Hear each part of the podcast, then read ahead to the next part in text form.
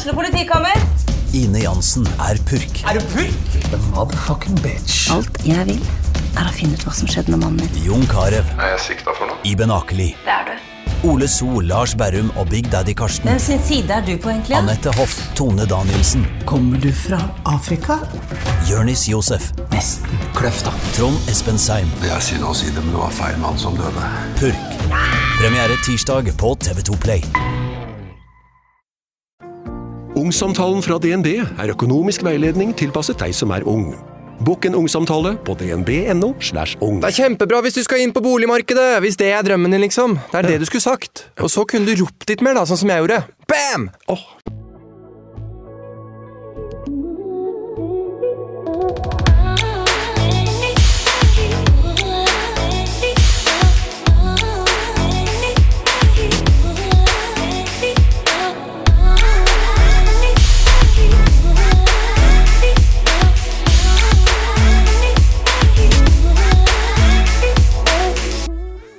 Elleve år. Elleve år skulle Ann-Sofie være da hun fikk sin første diagnose. Første gang mannen som er dekket av blod, dukket opp i hodet hennes. Andre diagnose, den kom like etter. Han kan vekke henne på natten eller møte henne på butikken. Og selv om psykosen kun kommer i perioder, blir psykosen en virkelighet. Hva er det som gjør at noen kan være så dårlig i perioder, og så bra i andre perioder? For mens Anne-Sofie lever i psykose, står hun på venteliste for å få hjelp. Mannen må bort fra Anne-Sofies hode, men ventelisten, den er for lang. I dag skal du få høre historien om livet til Anne-Sofie.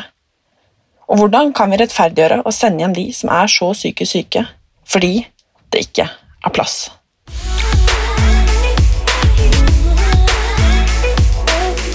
Å måtte tale denne saken skulle vært helt unødvendig. Vi bor i Norge, det er snart 2022, vi har mye kunnskap, og vi har enormt mange muligheter. Allikevel har vi kuttet ned på plasser i psykiatrien. Jeg vet ikke hva jeg skal si, eller hva jeg skal gjøre lenger. Jeg har vært syk siden jeg var elleve år, og har mistet store deler av min barndom, min ungdomstid og nå min tid som ung voksen til psykiske lidelser. For meg er det å være sykemeldt det verste jeg kan tenke meg. Jeg elsker å jobbe, jeg elsker å stå opp tidlig på morgenene og ha masse å gjøre. Jeg elsker å være med venner, jeg elsker å gå turer, og jeg elsker livet. Men i år har jeg vært sykemeldt siden mai, og jeg har ikke klart å gjøre noe av det jeg elsker. Jeg har trengt hjelp, og jeg trenger fortsatt hjelp, men den hjelpen jeg trenger, er ca. ti måneder fram i tid, grunnet helt ville ventelister og altfor få plasser. I sommer-høst var jeg innlagt og fikk kjempegod hjelp. Jeg har blant annet PTSD, noe som gjør at jeg bruker ekstra lang tid på å bli trygg på andre. For første gang møtte jeg behandlere jeg virkelig klarte å stole på. Jeg ga all min tillit til dem, og klarte endelig å starte på en behandling jeg har utsatt i mange år.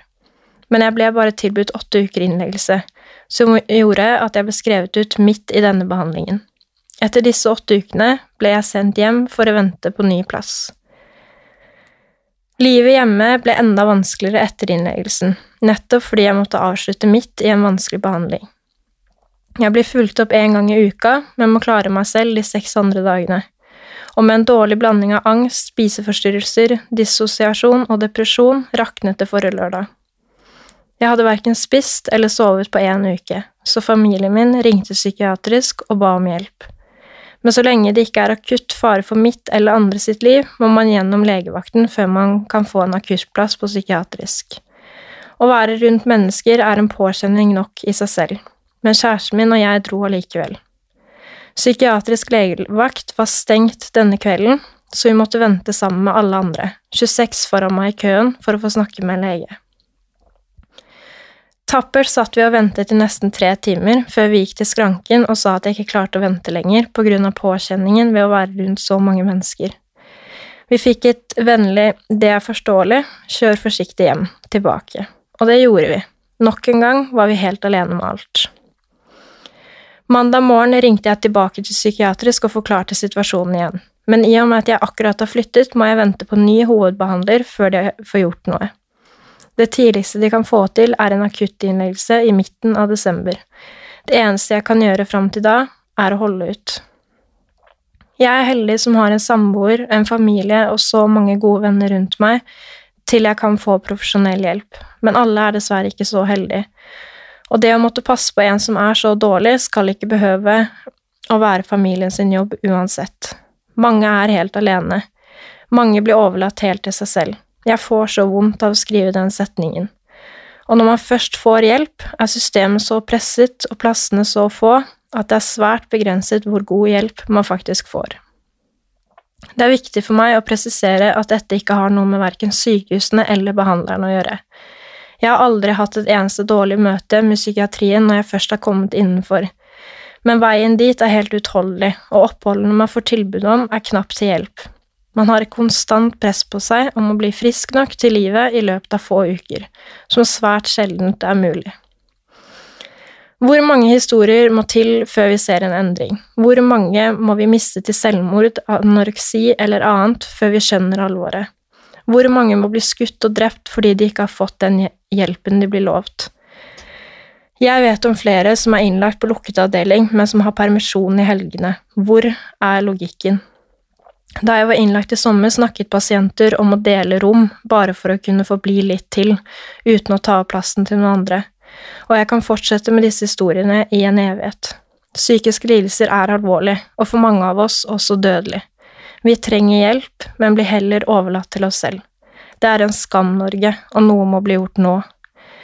Så vær så snill, del dette innlegget, snakk om det, del det på storyene deres, tagg regjeringen, hva som helst, så lenge det kommer fram. Jeg hadde aldri delt min historie så detaljert og ærlig, med mindre det virkelig var alvor, og det er det nå, det har det vært lenge.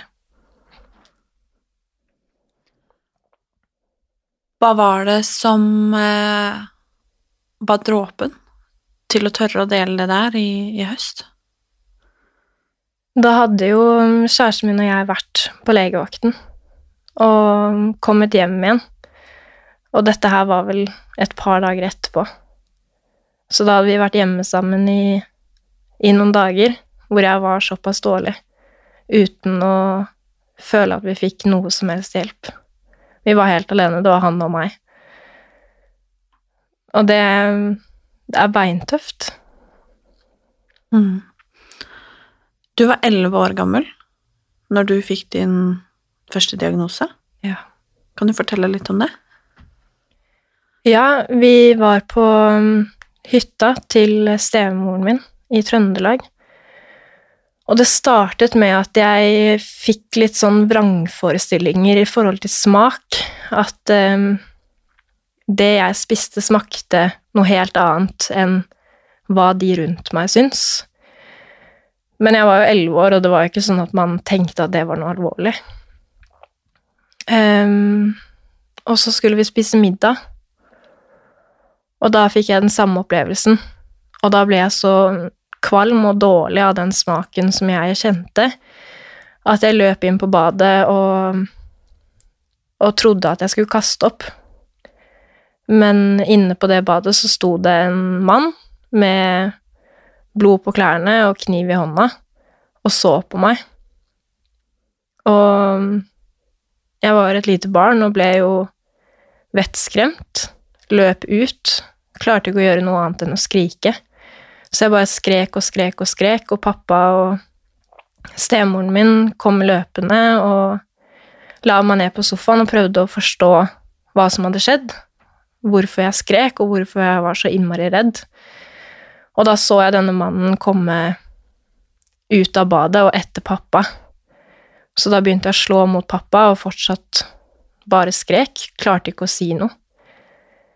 Um, og holdt vel på sånn en stund. Dette her, Jeg husker ingenting av det selv, men jeg har blitt fortalt det. Så ringer pappa til onkelen min, som er lege, som sier at dere må bare ringe til ambulanse med en gang. Um, og så, da ting begynte å roe seg, så fortalte jeg jo hva jeg hadde sett, og ingen forsto noen ting. Det hadde jo ikke vært en mann der. Og i starten så trodde de vel at det var hjerneblødning for da kan man få litt sånn vrangforestillinger, tydeligvis. Men etter en uke på sykehus og alle mulige fysiske tester, så fant vi ut at det var psykisk. Det var en psykose. Og fra da har jeg vært syk. På flere ulike måter. Mm. Hvordan føltes det å få diagnosen altså psykose? Mm. Det er ikke før de siste to årene hvor jeg har sagt det høyt, at jeg har den diagnosen. Mm. Jeg syns det var eh, skikkelig fælt.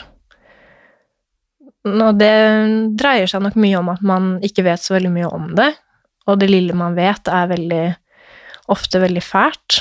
At uh, man leser om det i aviser, og at folk har blitt drept fordi at personen har vært i psykose, og så videre.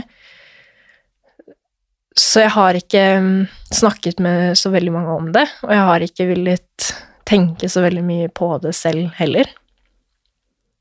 For det er en uh, heftig diagnose. Mm. Det er noe helt annet for meg å si at, at jeg har den diagnosen, i forhold til å fortelle at jeg har spiseforstyrrelser, for eksempel. Mm. Hvordan gikk liksom veien fra den opplevelsen på hytta til å få diagnosen til å på en måte skulle fortsette å være barn og leve, leve videre, da? Ja, det var, det var kjempevanskelig. Jeg var elleve år og kom hjem fra hytta og fikk profesjonell hjelp i Asker også, men hadde ikke muligheten til å gå på skole, for eksempel. Så jeg ble jo ble hjemme i et år eller to. eh, Veldig mye borte fra venner og borte fra det sosiale. Det vanlige livet som man egentlig skal ha som barn. Hadde hjemmeskole med mamma og pappa og, og lå veldig mye og var dårlig. Og så fikk jeg jo anoreksi rett etterpå. Da var jeg også elleve. Så jeg brukte jo de neste årene da som barn på å prøve å spise minst mulig og løpe mest mulig. Tror du at det var et resultat av du hadde fått psykose? Ja, det var nok en blanding. Jeg har alltid vært litt høyere enn alle andre. Og husker at jeg så på de andre jentene i klassen som var et hode lavere enn meg, at jeg ville være like liten som dem. Og husker at jeg spurte hun ene i klassen min hva hun spiste i løpet av en dag, for da skulle jeg spise det samme. For da kan det hende at jeg også ble så liten. Og, og jeg skjønte nok ikke at det kom til å bli et veldig stort problem, som jeg sliter med selv den dag i dag. Men jeg begynte også å spise litt mindre, og så litt mindre, og så litt mindre. Om det var psykosen, eller om det var en blanding av psykose og det at jeg ønsket å bli mindre, det vet jeg ikke. Men, eh, men det gikk veldig fort. Det gikk veldig fort fra at jeg spiste litt mindre til frokost, til at jeg ikke spiste noen ting. Hvordan eh, Hvordan ble livet da? Da var det jo ingenting som fungerte, for jeg var jo veldig dårlig i utgangspunktet, og så sluttet jeg å spise i tillegg. Så kroppen sluttet å fungere helt. Jeg lå bare i senga hjemme.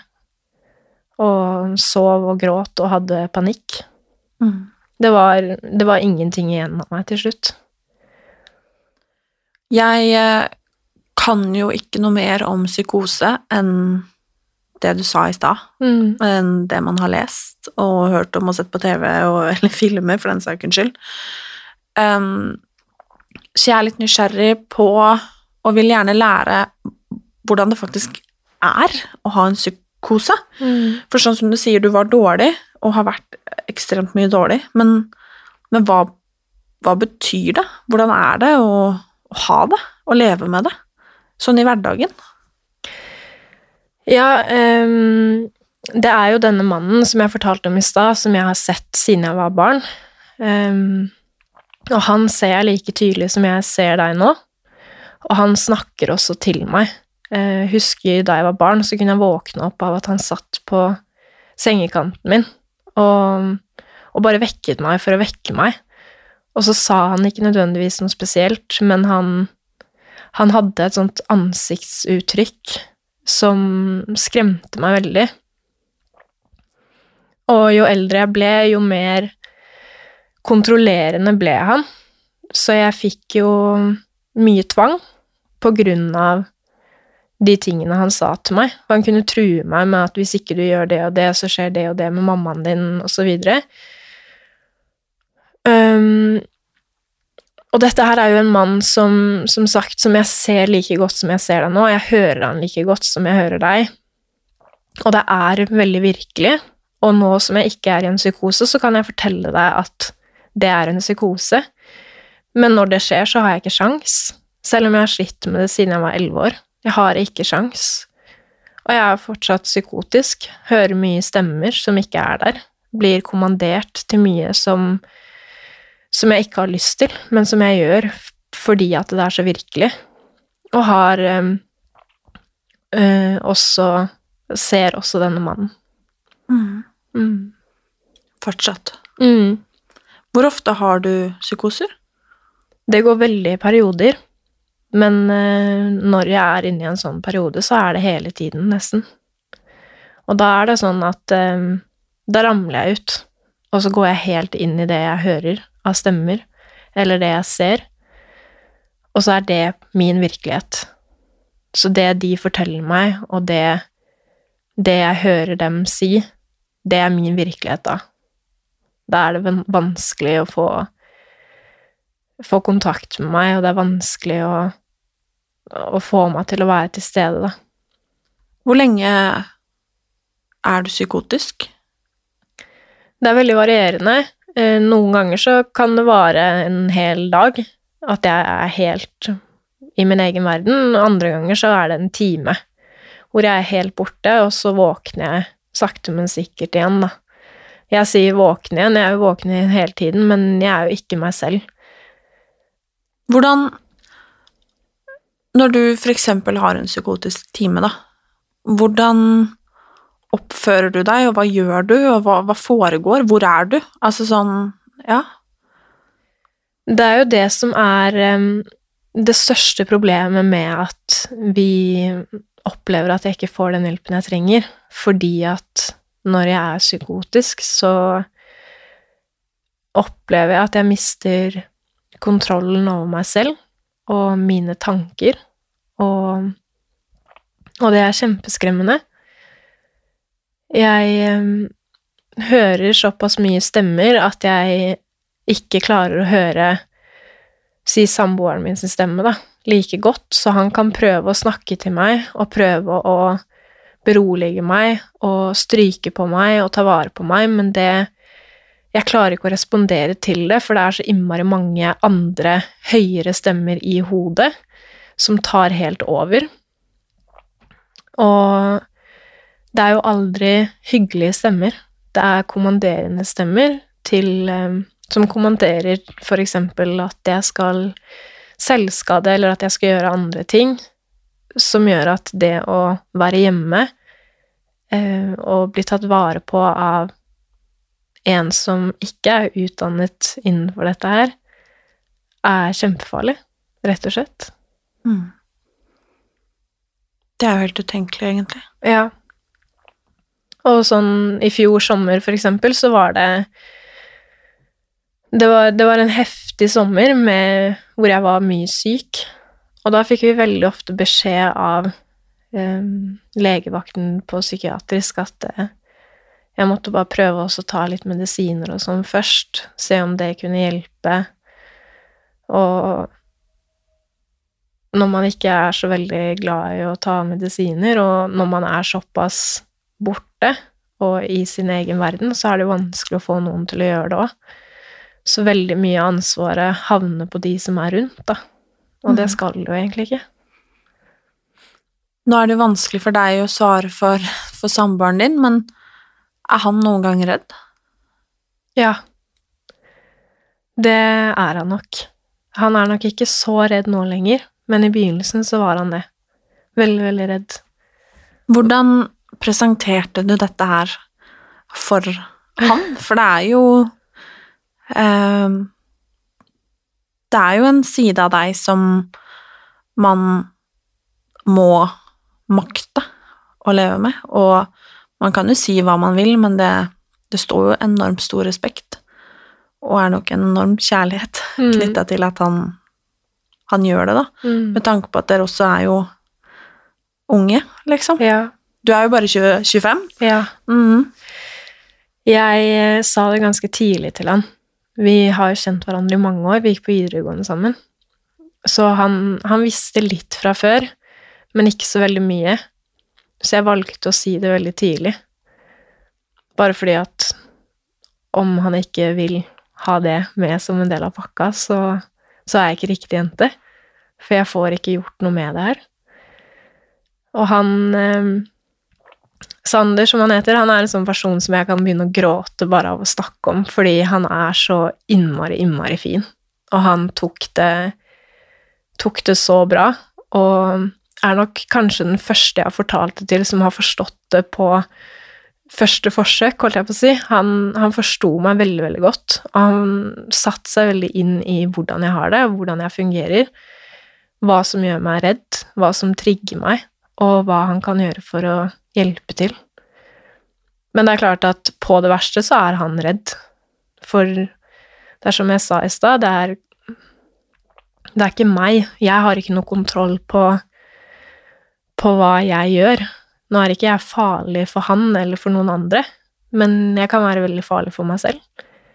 Og det er jo nesten verre, syns han. Har du noen gang vært redd for å skade han eller andre? Jeg har um, tatt en del tester nettopp på grunn av det der. Uh, og det er jo også litt på grunn av det man leser i avisen også, at uh, mennesker har drept noen i psykose.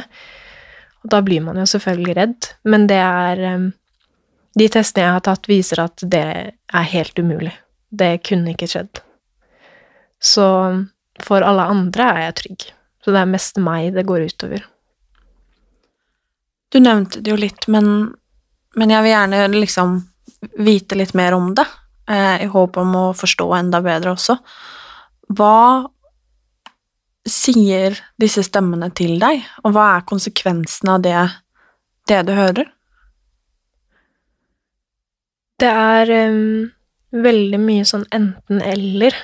Um, enten så selvskader du, eller så skjer det noe med Sander, for eksempel.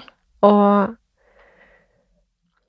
det er veldig enkelt å sitte her nå og lure på hvorfor jeg tror på det, men i situasjonen så er det helt umulig.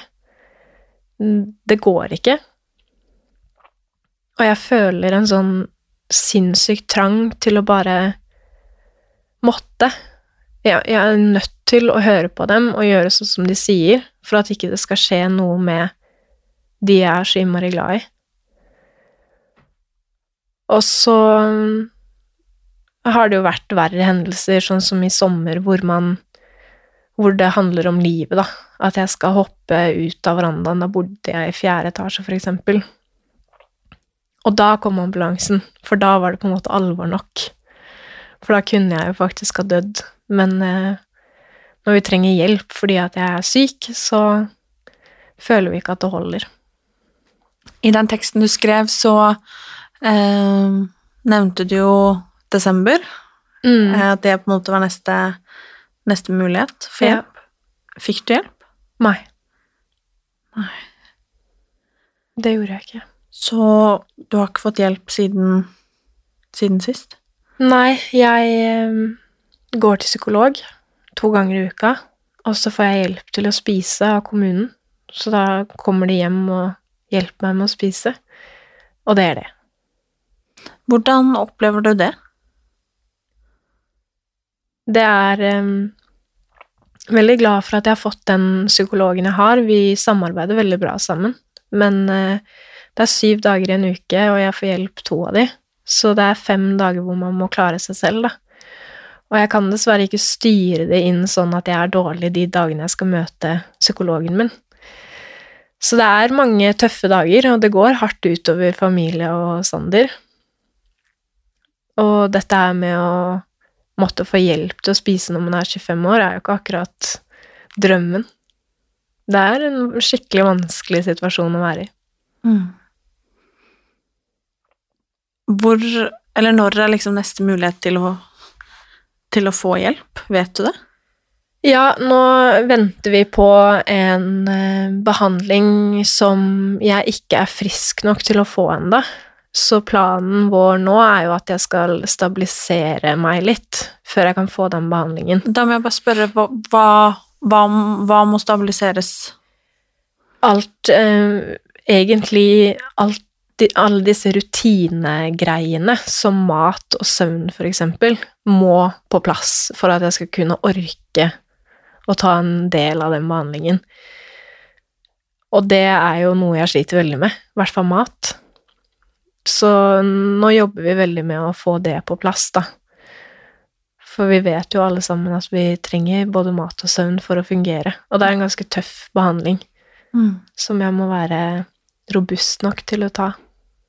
Det er litt rart at uh, man noen ganger ikke er syk nok, Ja. og andre ganger så er man ikke frisk nok. Ja. Jeg vet det. Hva er man da? Ja. Det er eh, veldig vanskelig, og jeg får veldig mange beskjeder eh, som ikke gir noe som helst mening. Og den beskjeden er jo en av de. Selv om jeg forstår at ok, det er en tøff behandling, jeg må få i meg nok mat og nok søvn for å klare det, så tenker jeg jo at men da, da må det jo skje et eller annet som gjør at vi kommer oss dit. Og en psykologtime to ganger i uka er ikke nok. Men det er det jeg har å velge mellom. Det er kanskje vanskelig å forstå eh, dette med maten, om eh, man ikke har noe erfaring med det, eller har vært glad i noen som, som har erfaring med det. Og det er sikkert lett å tenke sånn, ja, men herregud, kan du ikke bare spise, da? Um, hvordan styrer eh, maten deg, og hva, hva gjør at veien til å bli frisk er så, er så lang og tung? Mat er eh, det vanskeligste jeg vet om i hele verden. Jeg gruer meg til hvert eneste måltid. Og sliter skikkelig når jeg skal spise. Jeg er livredd. Og nå i dag så dreier det seg ikke så mye om at jeg er redd for å gå opp i vekt. Det er jeg ikke. Jeg har veldig lyst til å holde meg på den vekten jeg har blitt anbefalt av leger osv. Jeg vet veldig godt hva som skjer når jeg ikke gjør det, og hvor eh, lite frisk jeg føler meg da. Men jeg har så mange tanker og følelser knyttet til mat fra gammelt av som gjør at at jeg føler nesten litt at de følelsene har satt seg.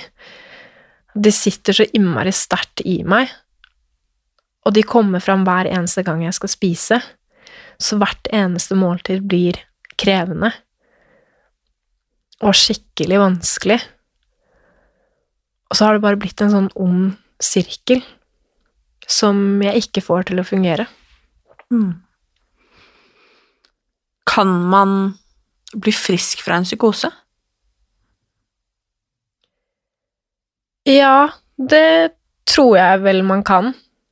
Og det trodde de jo da jeg var barn også, at jeg skulle vokse den av meg. Så det kan man nok. Og jeg har et håp om at, om at jeg kan det, jeg òg. Og så har jeg jo veldig mange gode perioder, veldig mange gode dager, hvor jeg ikke merker noe til det i det hele tatt. Og de holder man jo veldig fast ved. Det er kanskje litt sånn et dumt spørsmål, og, og, men jeg må spørre likevel. Har du noen form for forvarsel for at dette skjer, eller kan det skje nå, når du er på butikken, når du er på toget? Altså, har, ja, har du noe forvarsel, eller bare skjer det? Jeg har som regel ikke noe forvarsel. Det skjer som regel når jeg er veldig, veldig sliten, og det er jo veldig ofte. Men eh, ja, det kan skje nå, og det kan skje på butikken. Men aller oftest så skjer det når jeg er sammen med noen jeg er trygg på. Av en eller annen grunn. Men da tror jeg kanskje at jeg endelig kan senke skuldrene litt og slappe av, puste ut. Og da kommer det mye følelser, og da kommer den psykosen også. Mm. Så det er sjelden det skjer på butikken. Har det skjedd? Ja. Hvordan var det? Jeg syns det er helt forferdelig. Det er jo mye av grunnen til at jeg Jeg syns jo det er veldig vanskelig å være ute blant mennesker. Jeg syns det er kjempevanskelig å ta tog eller kjøre buss. Og det er derfor. Fordi at jeg er så redd for at eh, at jeg enten skal bli psykotisk, eller at jeg skal få et panikkanfall, som jeg også har veldig mye av. Og da er det veldig mye tryggere å bare være hjemme. For hvis det skjer der, så er det i hvert fall ingen som ser det. Jeg er veldig glad for at du kom hit i dag. Ja. det var ikke bare bare. Det vet jeg. Ja. Så det er veldig Jeg er veldig stolt av deg, faktisk. Tusen takk. Det syns jeg er veldig, veldig fint. Mm. Fordi Ja, som sagt, jeg vet at det, det er en kamp i seg selv. Ja. Vet du om psykosen din har kommet, eller om den alltid har vært der, og at du på en måte er født med dette, eller hva som er grunnen til det? Mest sannsynlig så er jeg nok ikke født med det, men ehm, Men jeg er nok et sånt Jeg er nok født et urolig og redd barn. Av en eller annen grunn. Jeg har hatt en veldig trygg oppvekst, med veldig trygge foreldre og trygg familie, og hatt gode venner og Det har aldri på en måte skjedd noe som skulle ha gjort meg veldig utrygg, men jeg har vært det helt siden jeg ble født, tror jeg. Og vært eh, veldig bekymret for alt. Krisemaksimert masse. Helt siden jeg var liten, og tatt veldig mye ansvar for mamma og pappa og lillesøsteren min. Selv om mamma og pappa er voksne og skal ta ansvar for meg, og det har de gjort også, men jeg har tatt like mye ansvar tilbake. Så vi tror nok at det som skjedde da jeg var elleve, var en sånn sum av hvor redd og bekymret jeg har vært hele barndommen. Det toppa seg. Denne mannen som du Mm. ser, Mm. er han alltid der når det er psykotisk? Ja. Um, er Hvor kommer han fra? Er det helt vanlig, eller er, er han et bilde på noe, eller altså Ja, det er jo noe av det vi jobber veldig med å finne ut av. Og foreløpig så vet jeg ikke hvem den mannen er. Jeg kan ikke huske å ha sett han. Men vi mennesker fungerer jo sånn at vi fortrenger ting. Så det kan godt være at jeg egentlig vet hvem han er, men det vet jeg ikke ennå. Men eh, han er der i hvert fall hver gang jeg er psykotisk. Er han lik hver gang? Ja. Det er han. Dette er også kanskje et litt sånn rart spørsmål. Ukas annonsør er Asan, min daglige intimmask. Jeg er oppvokst med Asan intimsåpe i dusjen hjemme hos mamma og pappa, og det ble også en vane jeg tok med meg da jeg flyttet ut hjemmefra. Med andre ord så har Asan fulgt meg så lenge jeg kan huske. Gjennom ulike faser, perioder, oppturer og nedturer. Og vet du hva? Nå har Asan blitt nyere og bedre. Med et oppdatert utseende, ny logo og bedre formulering som er ekstra mykgjørende. Den inneholder naturlig melkesyre for å bidra til å opprettholde den naturlige pH-balansen i intimområdet vårt. For visste du at sterk parfymerte såper kan forstyrre pH-balansen i underlivet? Intimsåpene fra Asan har en kremet konsistens som gir en behagelig følelse etter vask, og de har intimprodukter for å passe alle og enhver for at du skal kunne ta vare på balansen. Spørsmål, men har du på en måte lyst til å bli kjent med han? For Jeg å har- finne ut av det? Ja, jeg har et sånt um, ekstremt behov for at han skal anerkjenne meg. At han skal um, godta meg. Uh, og det kan jo ligge veldig mye i det. Og i hvert fall eh, når jeg på en måte har tatt det med meg videre i voksen alder. De trodde jo at jeg skulle vokse det av meg. Men eh, av en eller annen grunn så er det nesten som at måte han er min fasit på livet. At eh, det er veldig viktig for meg at han at han godtar meg for den jeg er. Og jeg har jo hatt flere samtaler med han. Nå har jeg jo hatt han med på slep siden jeg var elleve. Så på en eller annen rar måte så har vi blitt kjent, og på en eller annen rar måte så er det veldig viktig for meg at han At han godtar meg. At han syns at jeg gjør det riktig. Mm. Og det er kjemperart for meg å si her nå, når jeg er meg selv, og når jeg er helt til stede. Har du skamma deg mye for dette? Ja. Veldig. Og det er jo en grunn for at jeg ikke har snakket om det til noen før nå for bare et par år siden. Selv om jeg har hatt det siden jeg var elleve. Føler du at folk eh, blir litt redde for deg? Ja, jeg tror jo at de som kjenner meg veldig godt, de vet hvem jeg er, og hvordan jeg er som person, og er veldig trygge på det. Så de er nok ikke redde. Jeg har faktisk spurt Sander om det, for eksempel, om han er redd for at jeg skal gjøre han noe, men han har aldri vært det. Og det er jeg veldig trygg på selv også. Veldig, veldig trygg på at det aldri kunne skjedd noe sånt. Jeg er mer redd for meg selv.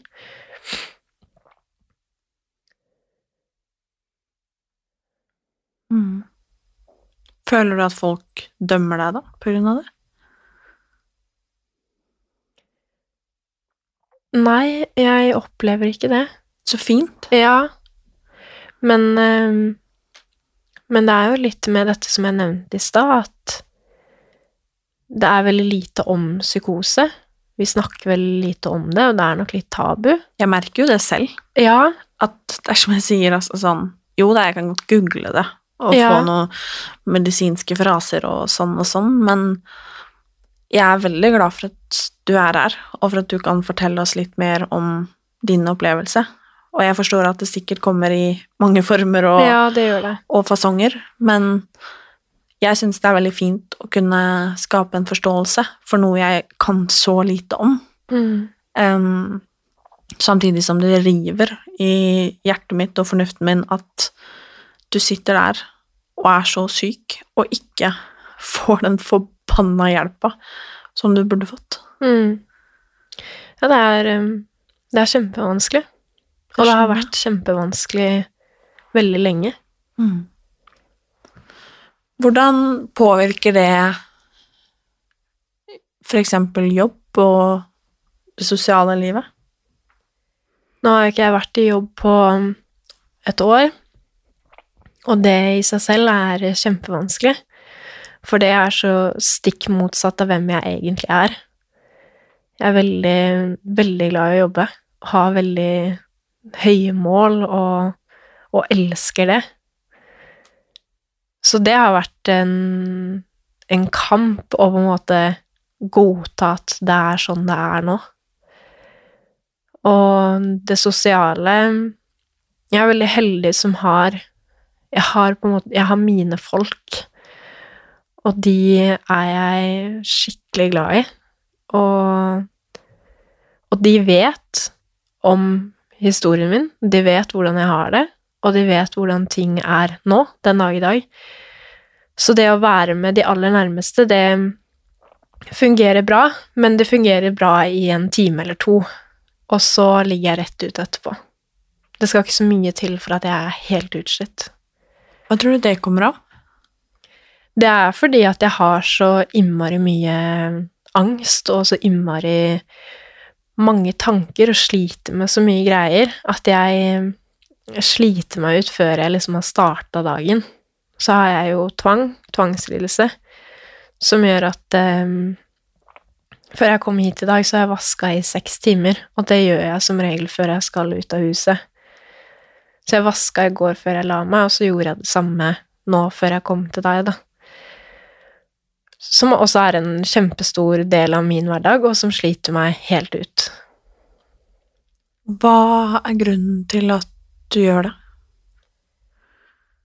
Mm, Tvangen min fungerer litt sånn at jeg bare får en følelse av at jeg må, og hvis jeg ikke gjør det, så, så slutter jeg litt å fungere. Jeg blir så rastløs og klarer bare å tenke på den ene tingen som jeg skulle ønske at jeg hadde gjort, eller som jeg følte at jeg måtte gjøre. Og min tvang går ut på symmetri og rydding og vasking, som regel. Og da er det Da tar jeg en sånn utvask av leiligheten, nesten, hvor jeg vasker og skrubber sluk og tar ut av alle kjøkkenskap og vasker inn i kjøkkenskap, vasker kjøleskapet, bretter alle klærne mine på nytt. Og dette kan jeg fint gjøre hver dag, noen ganger flere ganger om dagen. Og på mitt verste så kan jeg bruke Jeg husker da jeg var i jobb og starta på jobb klokka ti, så kunne jeg stå opp klokka fire på morgenen for å rekke og ta en sånn grundig vask av leiligheten før jeg skulle på jobb. Og i min verste periode så gjorde jeg det hver morgen i flere måneder. Og da er det jo klart at da er du utslitt før du har kommet deg på jobb, og så skal du prøve å stå på jobb og, og gjøre den best mulig, og så kommer du hjem, og da fungerer jo tvangen sånn at du er usikker på om du gjorde det bra nok før du dro på jobb, og så gjør man det igjen. Det må være ekstremt vanskelig. Ja, av uh, alle de lidelsene jeg har, så tror jeg den er uh, Den nærmer seg veldig toppen. Den er eh, Den er fæl å leve med, rett og slett. For jeg, jeg får ikke styrt det. Og jeg skulle så innmari gjerne ønske at jeg gjorde det, men det er en sykdom, og, og det går ikke å si 'men du vaska jo i stad'. Det går ikke. Går det på bekostning av eh, forholdet ditt? Nei, det kunne absolutt ha gjort det, men det gjør ikke det. Og det er jeg veldig glad for. For eh, vi har lagd en sånn avtale om at Sander, han på en måte, han gjør sin greie, og han han trenger ikke alltid å rydde opp etter seg og så videre, for han skal jo på en måte leve hjemme. Det er jo hans hjem også, og han skal kose seg, og han skal føle seg hjemme, og han skal føle seg trygg og avslappet hjemme. Og så må jeg nesten bare deale med det. Enten så står jeg i det, eller så rydder jeg. Det er på en måte blitt vår måte. Mm. For det er så viktig for meg at han ikke Eller det er så viktig for meg at han klarer å slappe av i vårt hjem, selv om jeg har de lidelsene jeg har. Mm. Hvis jeg hadde vært hjemme hos deg, for eksempel, Ja. før du kom hit i dag, og sagt at eh, skal jeg hjelpe deg, hvordan hadde du reagert da? Det hadde Hadde nok Altså, du, du kunne gjerne ha hjulpet meg, men jeg hadde gjort det en gang til etter deg. Det hadde jeg. Er det bare på vasking og sånn, og liksom orden hjemme, at du har det?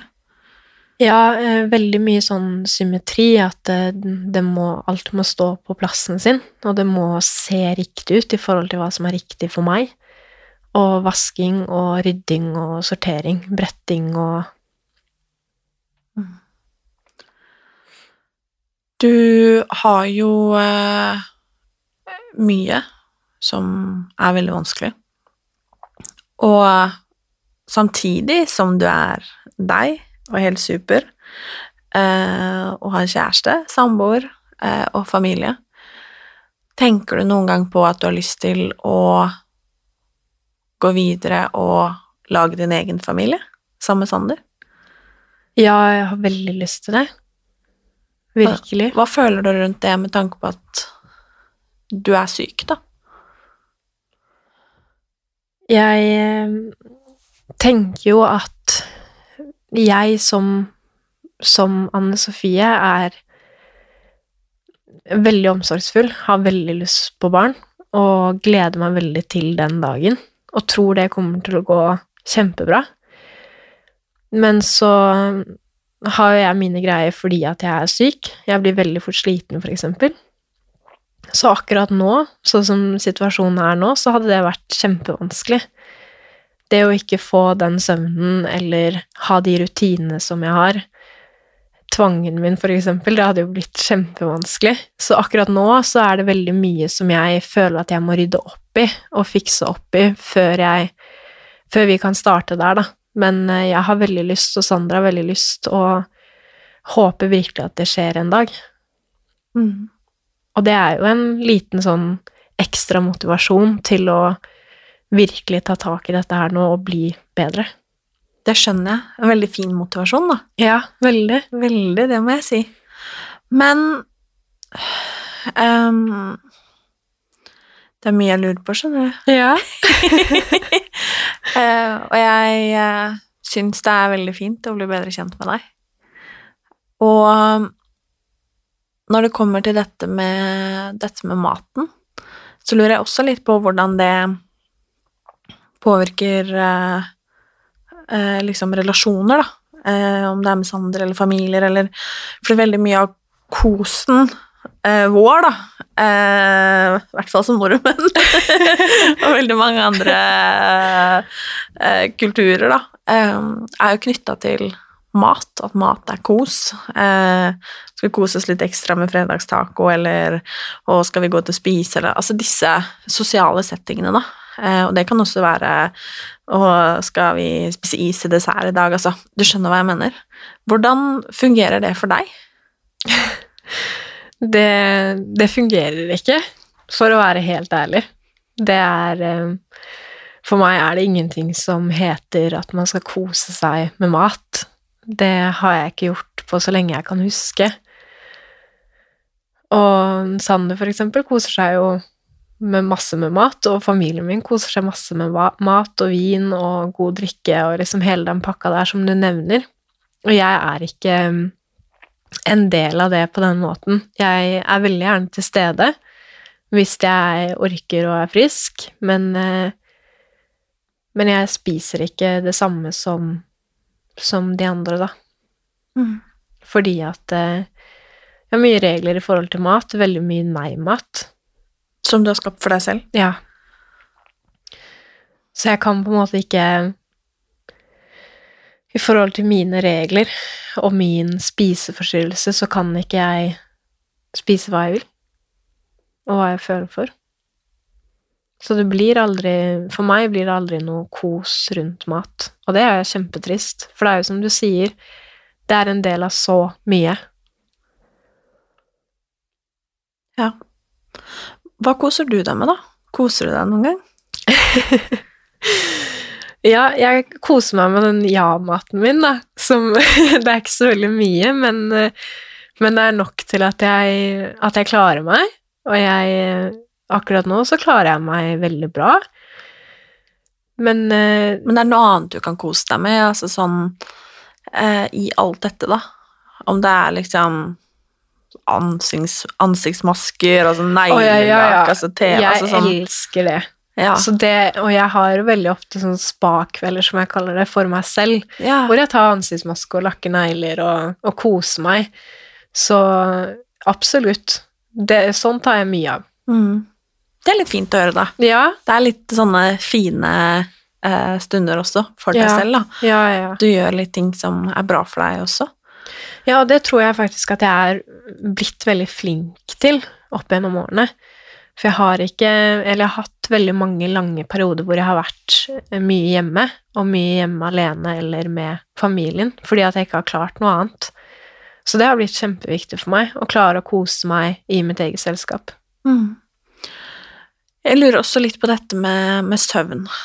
For som du sa, når du hadde denne veldig dårlig perioden i sommer, så, eller i fjor sommer, da, så hadde du ikke spist eller sovet på en uke. Og eh, mange av oss kan jo tulle og si sånn Å, herregud, jeg sov ingenting i natt, og så sov man fem timer, liksom, og det er altfor lite. Det er ikke det jeg mener, men uh, hvis jeg sier jeg ikke har sovet noen ting i natt, så er det gjerne fem timer, liksom. Mm. Um, eller ja, da, fy søren, jeg har ikke sovet noen ting denne uka her, og så har man jo sovet, men har sovet altfor lite. ja. Hva er din definisjon av 'jeg har ikke sovet på en uke'? Da har jeg mm, så å si ikke sovet på en uke. Hadde jeg ikke sovet på en uke, så hadde jeg jo vært eh, enda dårligere enn det jeg var. Men eh, da er det kanskje en halvtime her og en halvtime der, eh, maks. Bare vært netter hvor jeg har vært kjempeurolig og ikke sovet noen ting. Kanskje klart å sove litt på dagen når jeg våkner på morgenen. At jeg liksom Ja, bare veldig tøffe netter og veldig tøffe dager med veldig lite søvn. Hva kommer de verste periodene av, tror du? Jeg tror rett og slett at det er en del av sykdommen. Jeg har prøvd i alle år å finne det der mønsteret. Finne ut hva som gjør at jeg blir så dårlig i noen perioder, og så har jeg det jo så bra i andre perioder. Men, eh, men jeg tror rett og slett at det er en del av sykdommen. Det er sånn det er. Det kommer til å, å komme dårlige perioder, og så kommer det bra perioder igjen. Og det er liksom det som har blitt livet, da. Det er kanskje et vanskelig spørsmål som jeg skal stille nå, og jeg skjønner at det er forskjell på for eksempel psykosen eh, og spiseforstyrrelsene og disse tvangslidelsene, tankene. Mm. Eh, samtidig så har, har de jo mye til felles. Eh, alt er jo mentalt. Ja. Har du lyst til å bli frisk? Ja. Mm. Det har jeg, men jeg, jeg skjønner veldig godt hvorfor du spør, og at du spør, fordi at eh, på en eller annen rar måte så blir det en veldig stor del av deg, og, og selv om det er helt grusomt å være så syk, så har jo det også på en måte blitt meg, da. Hvem er jeg hvis ikke jeg skal vaske ti timer om dagen? Og hvem er jeg hvis, hvis ikke jeg gruer meg til hvert eneste måltid? Det vet jeg jo ikke, og det er skummelt.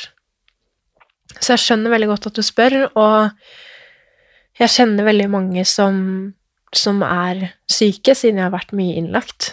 Og, og det er mange av de som er redd for akkurat det der. Hvem er jeg uten, uten all den sykdommen her?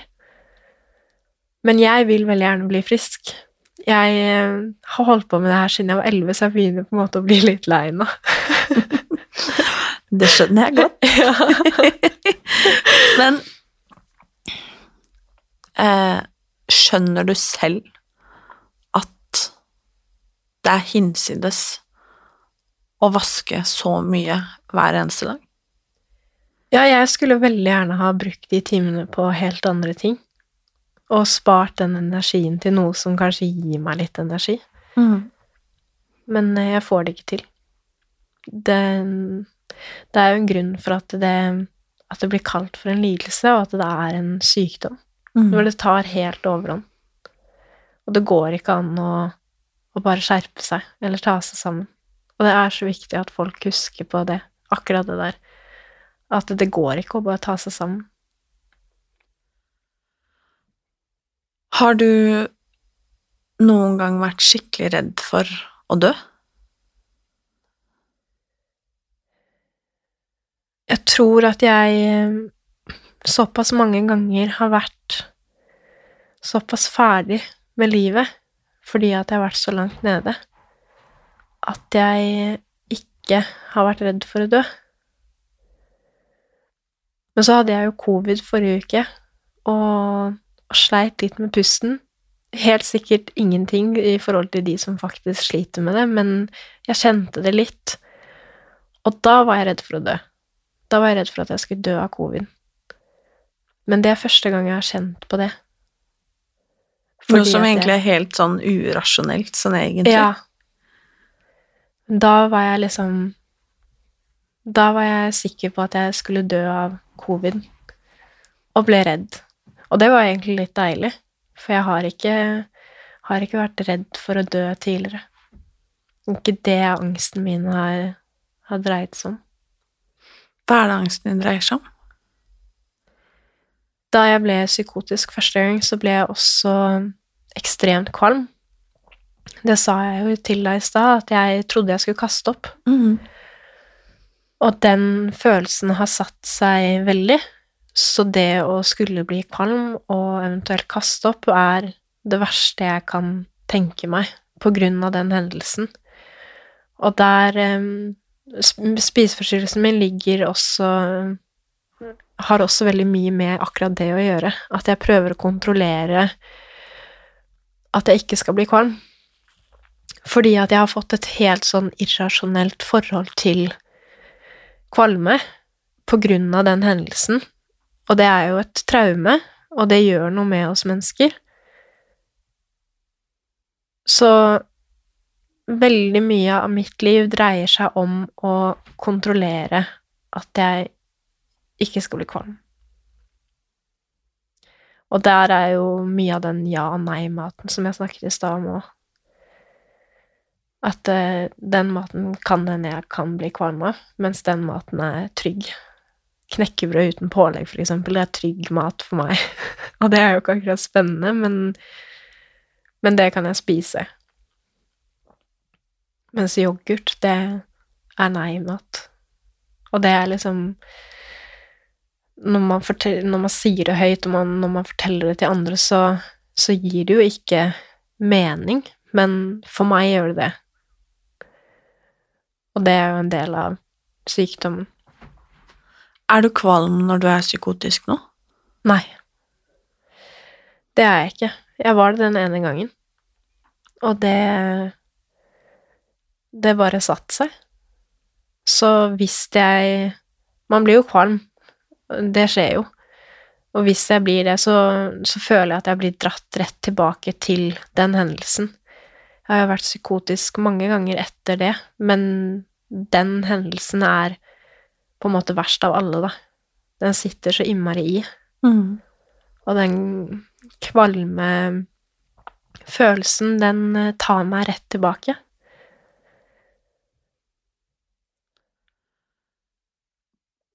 Det er kanskje vanskelig å svare på, men for det første så lurer jeg på Når var du sist psykotisk? Det var vel eh, sent forrige uke. Ja. Mm. Jeg skjønner også at det er vanskelig å liksom gi et sånn så ofte, så sjeldent er det. Men sånn i løpet av en måned, for eksempel, hvor ofte eller sjeldent kan det være? Jeg kan fint ha en hel måned uten å være psykotisk i det hele tatt, men Ja. det er da i de gode periodene mine. Mens i en dårlig periode så kanskje fire ganger i uka, da. Det er ganske mye. Mm. Og når du da er psykotisk, er det likt hver gang? Ja, ganske likt. Og hvordan er det inne i den psykosen, da? Klarer du å beskrive det? Vi vet at denne mannen er der. Er han, Ja. er han blodig nå? Ja, som regel så er han det. Men han er også Jeg har også sett han med med dress, for eksempel. At han går i dress.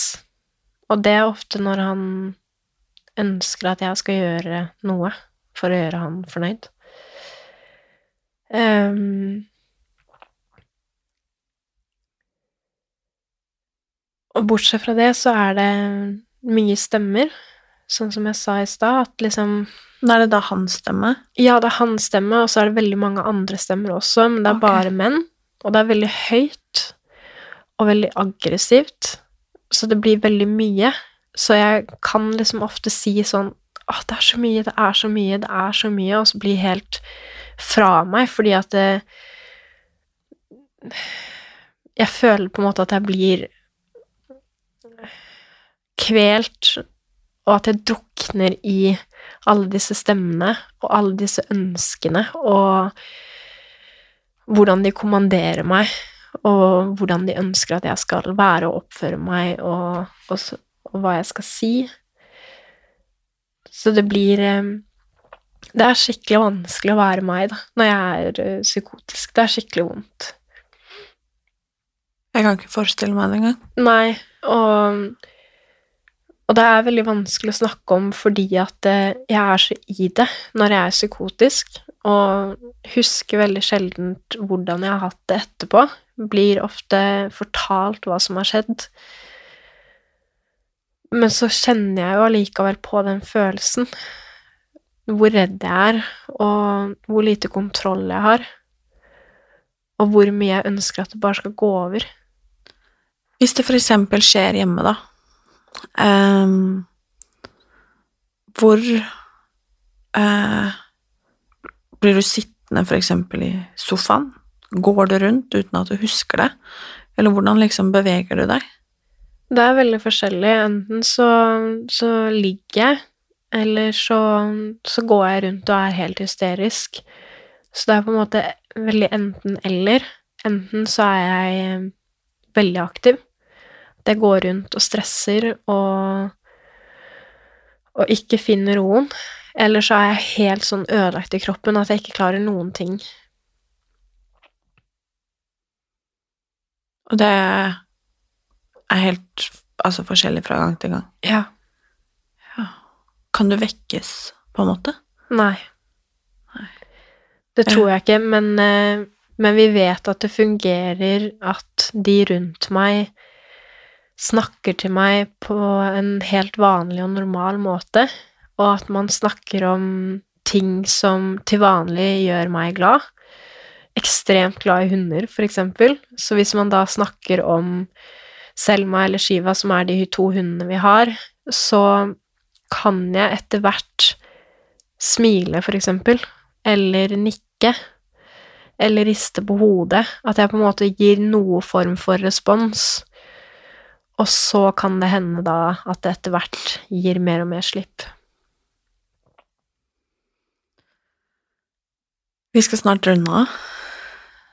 Jeg skjønner at uh, dette er tungt og vanskelig å prate om, ja. uh, og jeg uh,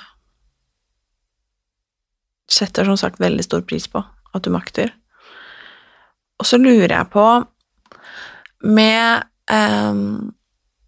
veldig, veldig mange av de som lytter, de kjenner eller vet om eller er glad i noen som sliter psykisk på den ene eller andre måten. Eh, lite, stort. Eh, veldig mange gjør det selv også. Og jeg lurer på, på generelt grunnlag, hva det viktigste for deg er at en pårørende og noen av de rundt deg kan gjøre for at du skal ha det på en måte best mulig? Hvordan kan man stille opp best mulig for en man er glad i? Bare eh, prøv så godt man kan å, å, forstå. Og jeg vet at det er veldig, veldig vanskelig, men sånn som med Sander, for eksempel, han, han lytter, og han stiller spørsmål, og han, han har lyst til å skjønne hvordan jeg har det. Og det gjør det veldig mye lettere å være meg, fordi jeg kjenner så veldig ofte på at jeg ikke er sånn som alle andre. At jeg har så innmari mange rare tanker og vonde følelser. Og også det der med at ja, man er veldig, veldig syk, og man har det veldig mye vanskelig, men eh, fortsett å invitere. For selv om jeg ikke orker, så vil jeg veldig gjerne bare vite at jeg er ønsket der, at du vil ha meg der. Og send en melding Det skal så innmari lite til. Lillesøsteren min hun lagde en spilleliste her om dagen til meg på Spotify med sanger som jeg skal høre på når jeg har det vanskelig. Og bare det Det tok henne sikkert ikke så veldig lang tid, og det kostet ikke penger, men det betydde enormt mye for meg. Og det hjelper meg veldig på de dagene som er tunge, å høre på de sangene som hun har plukket ut bare til meg. Så det skal ikke veldig mye til. En liten melding, en klem og en invitasjon. Fortsett å invitere. Det er liksom det jeg har lyst til å si til alle. Ikke mm. slutt å invitere selv om du har fått ti nei. Og hvis man har det vanskelig selv, på den ene eller andre måten, hva kan man gjøre da? Eller hva, hva funker for deg, liksom? Finn i hvert fall én person som du kan snakke med, uansett hvem det er. Ikke sitt med alt på egen hånd, for det blir så mye større av det. Og så mye vondere av det. Bare få tømt deg litt, snakk om det. Og jeg syns ikke at noe skal være tabu å snakke om. Si det du føler på, og fortell hvordan du har det. Og så håper vi jo inderlig at eh, det blir lagt enda mer ressurser og penger i psykiatri psykiatrien. Det håper vi veldig på, ja. Eh, det må vi. Ja, det trengs. Rett og slett. Mm. Eh, vi har jo håva inn på bensin- og Ja. strømpriser nå en stund, så Ja. kanskje noe av det kan gå til, eh, til de som trenger det mest. ja. Jeg håper virkelig det. Mm. Det er eh, For det skal ikke være sånn at man skal vente ti måneder på å få hjelp. Nei. Og det skal heller ikke være sånn at pårørende skal være sykepleiere. Nei, man kan jo bare se for seg hvordan det hadde fungert med de som er fysisk syke. Mm. Men det fungerer ikke noe bedre for oss som er psykisk syke. Mm. Så regjeringa, Mm, skjerp dere. skjerp dere. Ja. Listen up. Mm. Ann Sofie har talt. Ja. Tusen takk for at du hadde lyst til å komme og eh, lære oss om noe veldig mange av oss ikke kan så mye om. Og sette dette på agendaen. For at du våger å åpne deg og dele, fordi jeg vet at det er kjempevanskelig og tøft. Så står det stor respekt av. Og for at du i dag har gjort at eh, noen der ute føler seg eh, litt mindre alene. Tusen takk, Martine. Så tusen takk selv.